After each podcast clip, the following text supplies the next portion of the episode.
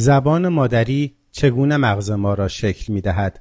نویسنده کاترین ایبرت زبان با بخشهای مختلف مغز سر و کار دارد. محققان دریافتند که ارتباط بین بخشهای مختلف مغز نسبت به نوع زبان مادری فرق می کند. این یافته ها می تواند در مداوای کسانی که با سکته مغزی دچار اختلال زبانی شدهاند مؤثر واقع شود.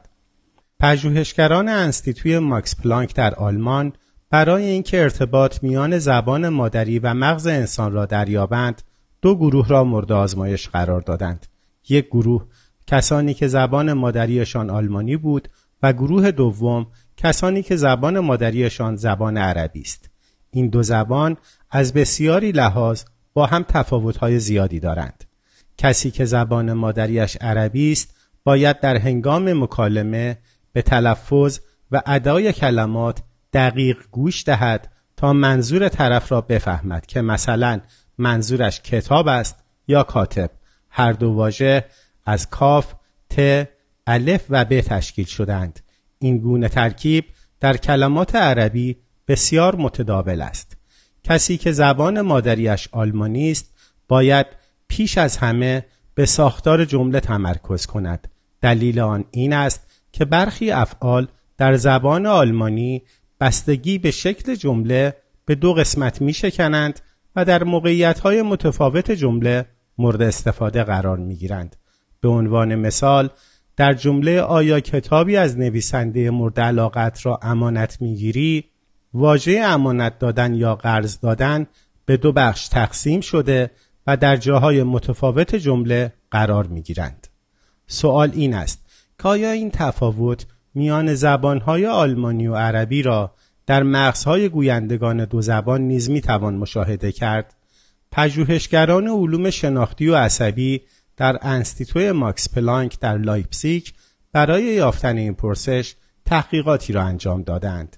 تیم محققان 47 فرد با زبان مادری عربی و 47 تن دیگر با زبان مادری آلمانی را مورد مطالعه قرار دادند محققان در انتخاب شرکت کنندگان این آزمایش به این نکته توجه کردند که آنها تک زبانه بزرگ شده باشند و یک زبان مادری داشته باشند. اشتراک کنندگان این پژوهش در کنار زبان مادریشان اندکی نیز انگلیسی می دانستند. این محققان از اشتراک کنندگان خواستند که مغزشان را مورد یک نوع خاص تصویربرداری پرتو مغناطیسی یا MRT قرار دهند. این نوع امارتی نه تنها اسکن بسیار واضحی از مغز می‌گیرد بلکه در مورد ارتباطات رشته های عصبی موسوم با اکسون ها نیز معلوماتی می دهد. به کمک این داده ها محققان توانستند محاسبه کنند که بخش های مختلف مغز در انسان های با زبان های مادری آلمانی و عربی به چه شدتی با هم ارتباط و پیوند دارند.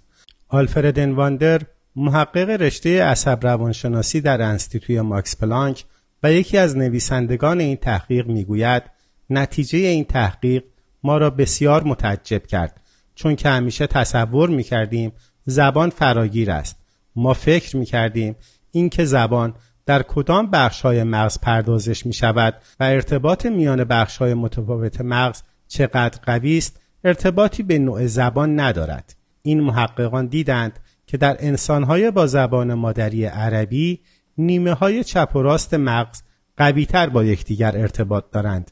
به همین گونه در این گروه ارتباط میان لوب تمپورال و لوب پاریتال در بخش وسطی در مغز نیز بسیار قوی بوده است. با توجه به نوعیت زبان عربی ارتباطات قوی در این بخشهای مغز قابل درک است. این بخشهای مغز مسئول پردازش تلفظ و اهمیت زبان مکالمه است. به این لحاظ کسی که زبان مادریش عربی است باید دقیق تمرکز کند که یک کلمه چگونه تلفظ می شود و چه مفهومی دارد. مثال خوبی در این زمینه کتاب، کاتب و کتب است که تقریبا همه حروف را مشابه هم دارند این پژوهشگران در افرادی با زبان مادری آلمانی ارتباط قوی در نیمه چپ مغز با لوب پیشانی در قسمت فوقانی مغز یافتند این نیز قابل فهم است چون که این قسمت های مغز مسئول پردازش جمله بندی و ساختار جمله است. به این ترتیب افرادی با زبان مادری آلمانی می توانند جملات پیچیده و طولانی را که فعل در آنها می شکند و اجزای متفاوت فعل در جاهای متفاوت جمله به کار می روند به سادگی درک کنند. انواندر توضیح داد تحقیقات ما اطلاعاتی در این زمینه فراهم کرد که مغز ما چگونه خود را با نیازهای شناختی مطابقت می دهد. به این ترتیب شبکه ساختاری زبان در مغز از زبان مادری ما متأثر است. این محقق می‌گوید یادآوری این نکته مهم است که ارتباطات متفاوت بخش‌های مغز در انسانهای با زبان مادری متفاوت نه امتیاز است و نه کاستی. او می‌گوید ارتباطات درونی مغز تنها متفاوت است نه بهتر یا بدتر. اما یافته های علمی در مورد متفاوت بودن ارتباطات مراکز زبانی در مغز برای هر دو گروه مورد مطالعه مزایایی دارد. به عنوان مثال با این شناخت علمی می توان آن افرادی را که در اثر سکته مغزی دچار اختلال زبانی یا زبان پریشی شده اند بهتر معالجه کرد. برای افرادی با زبانهای مادری متفاوت می توان روش های متفاوت مداوا ایجاد کرد تا آنها دوباره صحبت کردن را یاد بگیرند. انواندر می‌گوید علاوه بر این تعمیم دادن این تحقیق به زبانهای دیگر بسیار هیجان انگیز خواهد بود. محققان انستیتوی ماکس پلانک در تحقیقات دیگری افرادی را با زبان مادری آلمانی، انگلیسی و چینی زیر آزمایش دارند که هنوز نتایج آن اعلام نشده است.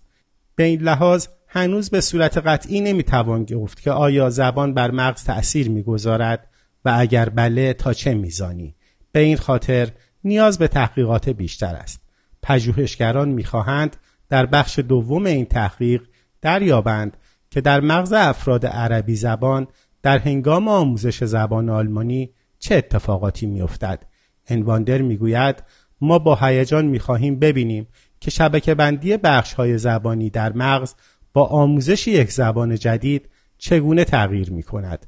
قرار است یافته های این تحقیق در بهبود روش های آموزش زبانی بیگانه مورد استفاده قرار بگیرد. شاید تدوین طرحهای آموزشی زبان خارجی با توجه به زبان مادری ممکن شود اما تا آن زمان به تحقیقات بیشتری نیاز است.